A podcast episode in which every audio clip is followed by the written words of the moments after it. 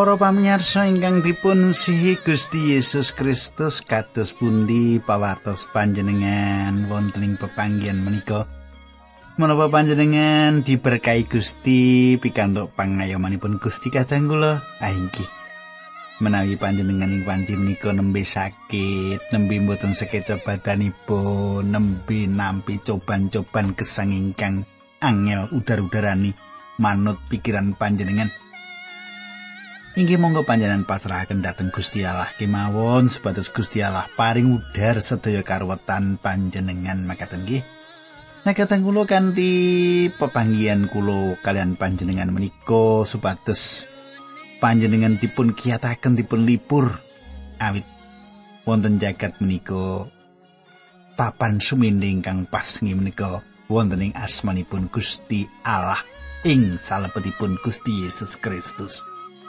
Nekaten kula margi utami badhe sesarengan kan panjenengan kula pendito pujianto badhe nganti panjenengan wonten ing adicara menika sugeng midhangetaken.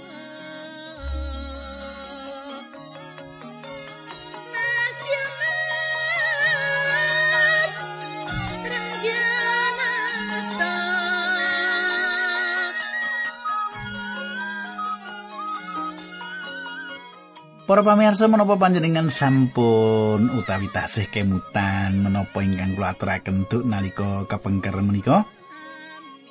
Kita sampun nyemak ing wekdal semanten pambalilanipun Seba dumateng Sang Raja Daud.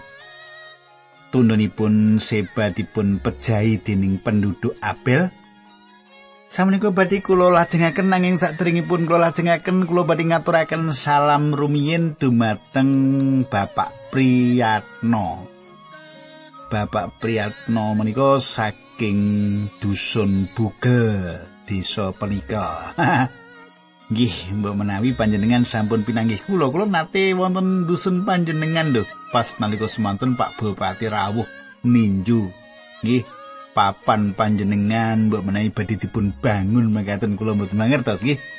Nah kateng kula kita badhe ndedonga sesarengan saderengipun kita lajengaken.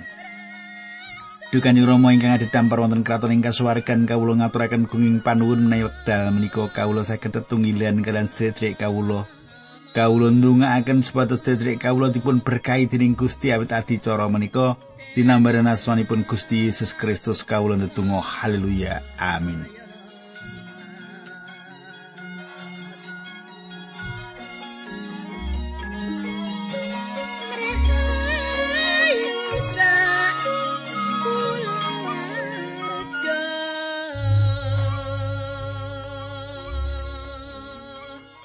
Para pamirsa samenika pasinaon kita sampun lulumebet ing kitab kali Samuel selikur. Pasinaon kita sampun lumebet wonten kitab kali Samuel bab selikur kula wasaken wiwit ayat setunggal. Nalika Daud jumeneng raja ana paceklik gedhe banget telung taun muput Daud banjur nyuwun pitedah marang Gusti Allah lan panjenengane ngendika paceklik kuwi jalaran saka kaluputane Saul lan Brayate merga padha ngukum pati marang wong-wong Gibeon. Para pamirsa, menapa jalaranipun Gusti Allah paring bencana kirang pangan menika sejatosipun radi aneh. Sejatosipun radi aneh nanging sampun tentu kemawon wonten satunggalipun wucalan kangginipun kita. Kula lajengaken ayat kalih lan tiga wong-wong Gibeon mau dudu panunggalane wong Israel nanging kekarene wong Amori. Wong-wong Israel wis janji arep ngayomi wong-wong mau nanging Saul ngudi tumpese merga mikir butuhe wong Israel lan Yehuda. Daud banjur ngundang wong-wong Gibeon. Lan takon marang wong-wong mau, apa sing perlu ndak tindakake kanggo kowe kabeh kanggo nebus keluputan sing wis ditanduki marang kowe supaya kowe padha mujekno berkah marang umat kagungane Allah. Wangsulane wong-wong mau. Ngen kula sami gadah perkawis kalian Saul lan brayatipun boten saged namung dipun rampungaken mawi sloka utawi mas. Nanging kula inggih mboten kepengin mejahi tiyang Israel tunggal kemawon pangandikane Daud yen mengkono aku banjur kudu kepriye bangsulane wong-wong mau Saul raja ingkang dipun pilih dening Allah menika kepengin numpes kula sedaya saking Israel. Minanipun kula aturi masrahaken turunipun jalar pitu badhe kula gantung wonten ing ngarsanipun Allah ing Gibea kidanipun raja Saul piyambak. Pangandikane raja ya becik wong-wong kuwi bakal ndak pasrahake nanging mergo Daud lan Yonatan wis padha janji Daud ora masrahake Mephiboset anake Yonatan. Para pamirsa. Ayat-ayat menika satunggalipun perangan ingkang ngidapi-dapi ingkang kita panggihaken ing salebetipun kitab suci. ayat menika satunggalipun perangan ingkang ngidapi-dapi ingkang kita panggihaken ing salebetipun kitab suci. Menawi panjenengan ngersakaken mangertos kedah wangsul ing jamanipun Yosua ing wekdal tiyang Gibeon ngapusi Yosua. Lan Yosua ngantos damel perjanjian kalian tiang-tiang Gibeon menika. Panjenengan saged cemak ing kitab Yosua songo. Bangsa Israel sejatosipun sampun dipun paringi dawuh dening Gusti Allah supados mboten ngawontenaken perjanjian kalian bangsa sanes. Satunggal perjanjian ing wekdal semanten mboten kenging dipun terak. Dados ing wekdal perjanjian menika dipun sarujui, isinipun perjanjian menika mboten kenging dipun terak ing jaman semanten ing wekdal setunggal bangsa mbangun turut dawuhipun Gusti Allah. Pramila ucapanipun menika sami kados satunggalipun cancangan. Yosua ngawontenaken perjanjian kalian tiang-tiang Gibeon nanging Saul dateng lan ngleburaken. Daud mudidaya ndandosi menapa ingkang sampun dipun tindakaken Saul lan wungunipun kasil nanging saking tetinggalan sanes Gusti Allah mboten nyupekaken bilih Saul ingkang makili Israel sampun nerak perjanjian kalian tiang Gibeon. Awit umat Israel inggih menika umat kagunganipun tiang-tiang menika badhe uwal saking perjanjian menika. tigang taun jaman kirang pangan nempuh gesangipun tiang-tiang menika lan kahanan ingkang kados makaten menika satunggalipun paukuman. Kadang kula menawi panjenengan gadah janji niku aja gampang dipun ingkari nggih. Aja gampang ngilaki awit perjanjian menika ana akibat ing kedah panjenengan pikul gitu. Pak kula dinten Jumat mengke badhe bayar utang kula. dina Jumat ditunggu Jumate pirang-pirang padune arep mbayar gitu. Nah kadang kula panjenengan lan kula gesanging jaman ingkang boten saged dipun sebat menapa satunggal bangsa menika bangsa Kristen utawi bangsa menika bangsa ingkang bangun turut dumateng Gusti Allah. Nanging dumugi samenika Gusti Allah menika tasih ngurusi bangsa-bangsa Gusti Allah adamel bangsa-bangsa gadah tanggal jawab. Mboten dipun bedak-bedakaken bangsa menapa menika. Kita ningali Gusti Allah paring paukuman dumateng Mesir. Gusti Allah ugi paring paukuman dumateng Babel. Gusti Allah ugi paring paukuman dumateng Asur. Gusti Allah ugi paring paukuman dumateng Yunani malah Romawi pindah. Wiwit perang donya kaping kalih kathah bangsa ingkang gadah kekajengan dados bangsa ingkang saged njagi karukunan nanging tetep kemawon bangsa-bangsa menika gesang ing salebetipun dosa. Kita mboten saged mandek perang. Jaman samenika kita ngrembak perkawis karukunan nanging kita ningani bilih tetep kemawon angel manggihaken karukunan. Yesaya 57 ayat selikur meratelaken pangandikane pangeran wong ala ora nemu katentreman. Para pamirsa. Kita mboten gadah ahli negari ingkang ngidapi-dapi ing wekdal menika. Gitu? Ahli nata negara ora duwe kita menika. Kula tepang sawetawis tiyang ingkang jeguring babagan politik rumaos menawi piyambakipun menika pinter lan malah pikiranipun boten kawatos sing satunggal partai kemawon. Cetha tiang-tiang menika gadah pikiran bilih tiang-tiang menika saged ngerampungaken perkawis-perkawis politik rumangsane. Nanging saestu eman pilih kathah bangsa ingkang boten gadah pemimpin-pemimpin ageng. Inggih babakan menika satunggalipun bukti ingkang sanes saking paukumanipun Gusti Allah ora duwe pemimpin ingkang iso nuntun bangsa iki tumuju marang masyarakat lan adil lan makmur. Menapa panjenengan tasih kemutan? Menapa ingkang dipun ngendikaken Allah ing salebetipun Yesaya 3 ayat 12 ing mriku dipun pratelakaken umatku bakal disia-sia dening bocah-bocah lan dieret dening wong wadon. Umatku bakal disasarake dening para panggedene nganti ora perlu dalan sing kudu padha diambah Para pamirsa kita nyemak satunggalipun gerakan ingkang terus dateng arah menika ing salebetipun negari-negari ing jagat menika. Kathah negari ingkang sampun dados pusat pornografi. Teng pundi-pundi saged kita waos tulisan teng pundi-pundi kita saged waos video teng pundi-pundi kita saged. Mangertosi bioskop ingkang gambaraken pornografi wong-wong saru lagu bedang paturon bareng karo dudu bojone sandangan-sandangan sing ora pantes disawang negari kathah ingkang sampun dados pusat pornografi gambar-gambar sing saru ugi kathah aliran-aliran ingkang kesasar, aliran-aliran sesat lan aliran-aliran sanes ingkang terus timbul ing negari-negari jagat menika. Sawetawis wekdal ingkang kepengker Gusti Allah maringi satunggalipun perkawis ingkang adamel kita goreh. Kulo gadah pemanggih pilih lindu. Utawi bencana alam saged dados satunggalipun paukuman saking Gusti Allah.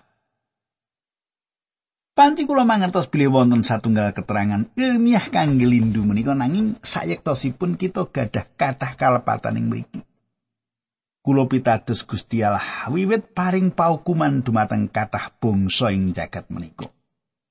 Bangsa kita lepat awit mboten wontenipun paugeran lan patrap amoral ingkang awrat lan Gusti Allah paring paukuman bangsa-bangsa sanes ugi awit patrap ingkang sami. menawi wonten satunggal perkawis ingkang dipun pratelakaken kali Samuel selikur menika satunggalipun kasunyatan bilih Gusti Allah paring paukuman dumateng bangsa-bangsa. Salajengipun kita manggihaken Daud campuh perang ingkang betahaken wekdal dangu kalian tiang Filistin. Para pamirsa sakmenika mboten sah negari. Panjenengan dados pusat menopo? Panjenengan menapa kalebet tiyang ingkang gamping nerak paugeran? Nggih gamping gampil nerak paugeran. Patra panjenengan menapa amoral mboten gadah tatanan? Nggih. Seneng ujo hardaning hawa nafsu sinoso panjenengan ngakune wis Kristen. Nggih. Panjenengan seneng teng pundi-pundi papan sing isine mung kumpul turu karo genti-genti wong wadon. Ngoten kok. Iso kandhane dadi wong Kristen wong Kristen menika tegese ndi pusaka keris kang suci sing ora gampang menika dinggo dolanan. Nalika semanten kula menika tau meguru sadurunge dadi wong Kristen nggih. Wah meguru! Wonten Jawa Barat menika kula disukani bungkusan ngemori putih menika ken ngantongi gitu. Nanging nek kula badhe pipis kedah dipun selehaken wonten papan sing sae. Nek kula badhe bebuca kudu kudu diselehake. Nek kula badhe sapaturon kali tiyang setris kula wah ngoten aturane lah niku berhala mawon duwe aturan. Lah Gusti Allah dinggo blawanan niku piye karepe nggih Monggo panjenengan dadi wong percaya sing saestu-estu kula sakniki kula tinggal sedaya ngoten niku sing marake orang luhurake Gusti Allah supaya napa supaya asmane Gusti Allah diluhuraken lah jenenge bertobat kok tumindake malah kaya ngono iki kepiye nah ngaten iki nah kula lajengaken bab selikur ayat kang 11 ngantos 17 Kocapa ana peperangan maneh antarane wong Filistin lan wong Israel. Daud lan para prajurit luruk perang lawan wong Filistin Ing satengahing peperangan Daud nganti kesayan. Ana wong turunan buta jenenge Yispi Benob. Tumbake digawe saka prunggu bobote kira-kira telu setengah kilogram. Wong mau yo nyengkelit pedang anyar lan mesthekake bakal bisa mateni Daud. Nanging Abisai anake Siroya teka nulungi Abisai nglawan lan mateni wong mau sawise mengkono prajurit Daud nyuwun supaya Raja Daud janji ora bakal perang meneh. Panjenengan menika dilahipun Israel sampun ngantos kula sami kecalan panjenengan ature wong-wong mau. Para pamirsa, Dawet inggih menika tiang ingkang ageng lan tiang-tiangipun mangertes bilih sakleresipun mboten wonten setunggal tiang kemawon ingkang saged ngentosi kalenggahanipun. Nanging Daud sampun wiwit ringkih lan piyambakipun tetep kepingin kisah perang. Daud ningali kasunyatan bilih piyambakipun mboten malih gadah kegiatan badan ingkang dados jaliran tahan tandang damel kados biasanipun wis tuwa. gitu. Dawa sejatosipun gampil sanget dipun kawonaken, wis sepuh tenagane wis kurang. Lan tentu kemawon kahanan ingkang kados makaten menika satunggalipun pengalaman ingkang ngidapi-dapi ingkang dipun lampahi Daud. Para pemimpin Israel ningali bilih Daud sampun sangat sepuh kangge perang lan para pemimpin menika sanjang menapa wontenipun dumateng Daud. Para pemimpin menika sanjang pilih Daud kedahipun langkung kathah wonten ing griya ketimbang wonten ing peperangan. Lan kateng kula tundhonipun satunggal peperangan ageng dumados lan sampun tentu Gusti Allah maringi kamimpangan dumateng bangsa Israel. Ayat 23 wong papat sing dipateni dening Daud lan para prajurit kuwi turune buta ing Gat. Para pamirsa. Raseksa utawi buta ingkang dipun rembak ing pasal menika inggih menika Goliat. Panjenan tasih kemutane wekdal Daud kisah perang kalian Goliat piyambakipun beto gangsa selo alus. Kulo nate mireng tiang sanjang gamblang bila anggenipun Daud meto selo gangsa menika awit Daud gadah pikiran menawi anggenipun bandilaken ingkang kawitan menika kenging. Milo piyambakipun tasih gadah sawetawis selo kangge cawisan. Tiang-tiang kalau mau mucalaken cariyos kados makaten bilih kita ugi kedah gadah cawisan nanging keterangan ingkang leres inggih menika awit Goliat menika gadah lari sekawan. Lari-lari ini pun menika tentu kalebet prajurit Filistin. Daud mangertos bilih wekdal piyambakipun mejahi raseksa menika sekawan lari ini pun saged ugi badhe ngetingalaken badanipun lan perang lumawan piyambakipun. Sinau sing wekdal semanten Daud mboten nglampahi perkawis menika nanging mesti kemawon lari-lari Goliat gadah kekajengan bales. Menawi Abisai mboten dumugi mitulungi Daud ing salebetipun peperangan pungkasan kalian tiang Filistin menika, pramila salah setunggal larenipun Goliat inggih menika Yusbi Benob mesti badhe saged bales dendam. Para pamirsa ing wekdal Daud tasih enem lan perang lumawan Goliat. Piyambakipun gadah sekawan silo malih lan siap kangge nyerang sekawan larinipun Goliat. Kita sampun nyemak kados bundi ing salebetipun ginakaken bandilipun Daud menika titis. Piyambakipun saged ugi anggenipun latihan ngantos jam-jaman ing sak dintenipun. Kula nyobi mbayangaken menawi piyambakipun bandilaken selanipun ing bolongan ingkang wonten ing uwit ingkang boten ageng kangge mlebet bading kemawon angel saged kenging. Salajengipun pasal menika mungkasi karir Daud minangka jejeripun pahlawan. Lumantar setunggal cara ingkang ngidap-dapi Gusti Allah nguwalaken Daud saking mengsahipun. Kadang kula samenika kita lumebet kalih Samuel kalih likur. Ing salebetipun pasal menika kita manggihaken kidungipun Daud ngumandang sasampunipun Gusti Allah merdekaaken piyambakipun saking mengsah-mengsahipun. Kidungan Daud menika sami kalian ingkang kasrat ing Mazmur 18. Samenika ayat tunggal bab kali likur. Sawise Gusti Allah ngluwari Daud saka Saul lan mungsuh-mungsuh liyane, Daud banjur ngitung kunjuk marang Gusti Allah. Para pamirsa, Cetha sanget kitung menika dipun serat dening Daud ing wekdal piyambakipun sampun badhe dumugi titimangsanipun tilar donya. Sawetawis piyambakipun ningali datang wingking piyambakipun saged nyemak kados pundi astanipun Gusti Allah. Sampun makarya lan nuntun piyambakipun ngantos yuswa sepuh. Kula pitados Daud piyambak damel Mazmur 33 meratelaken perkawis ingkang sami awit menapa ingkang kelampahan ing gesangipun piyambakipun saged meratelaken Gusti Allah kuwi pangenku aku ora kekurangan apa-apa ing salebetipun Filipus tunggal ayat 6 Paulus meratelaken makaten mulane aku yakin temenan yen Gusti Allah sing wis miwiti penggawe becik iki ana ing kowe ya bakal nglajengake pakaryane mau nganti sarampunge ya kuwi tekan dina rawi Sang Kristus. Para pamirsa, Gusti Allah sampun ngayomi panjenengan ngantos sing wekdal menika. Menapa manut panjenengan Gusti Allah badhe ngejaraken panjenengan dawah? Sampun tentu mboten. Kita nyemak bilih katresnan lan panjangkungipun Gusti Allah dumateng Daud ing jaman kepengker tetep nyukani keyakinan dumateng Daud kegayutan mongso tembinipun. Bab kali likur ayat kalih nganti tiga. Alaiku pangayomanku, benteng sing kuat tumrapku.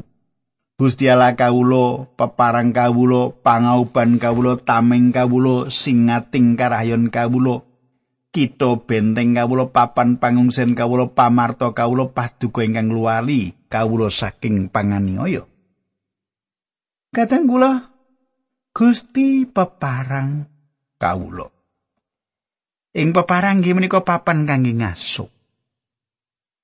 Sang Kristus inggih menika sila kawilujengan kita. Panjenenganipun inggih menika landhesanipun.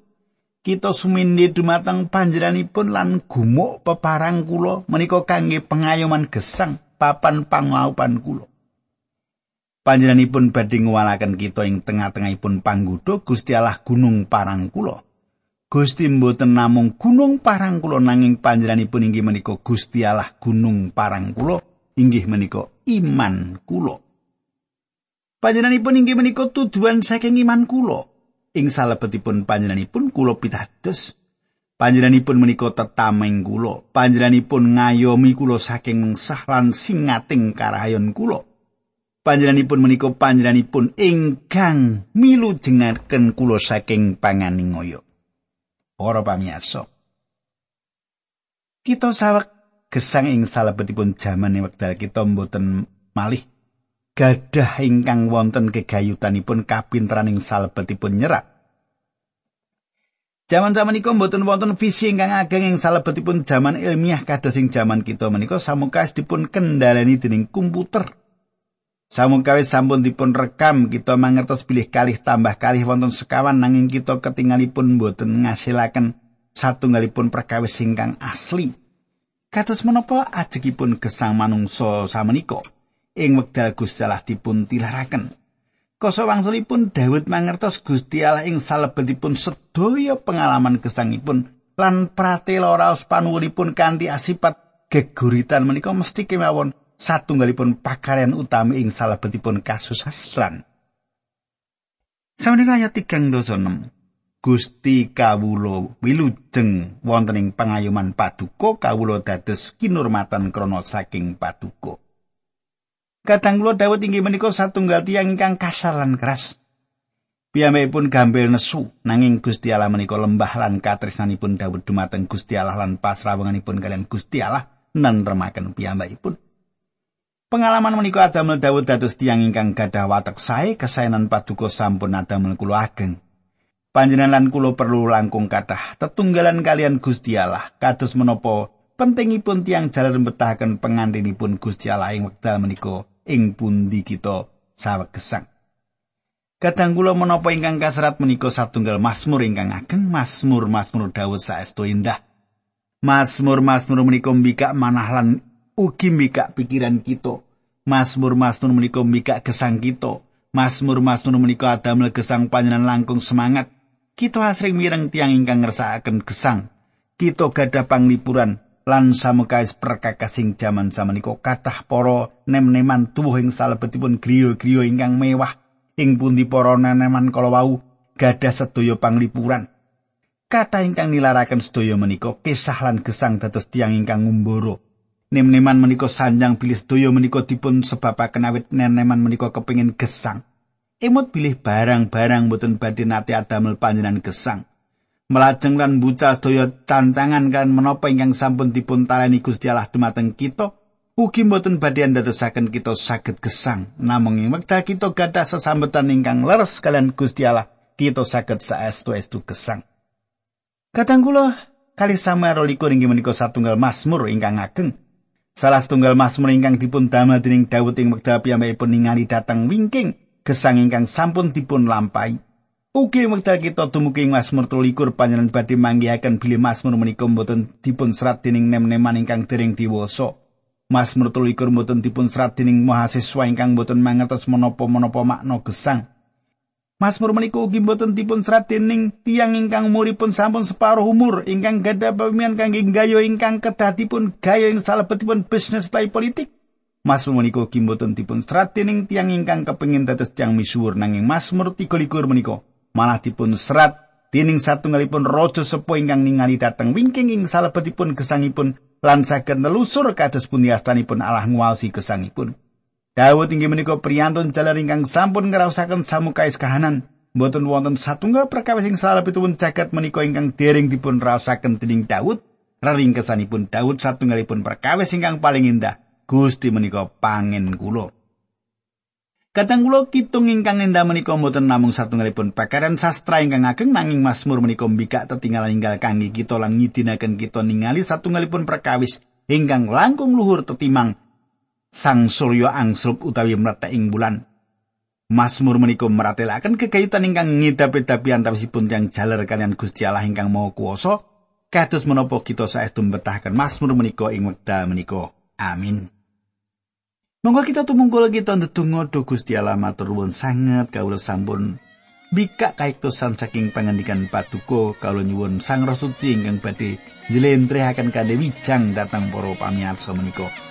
Dinambaran asmanipun Gusti Yesus Kristus kawula ndedonga haleluya. Amin.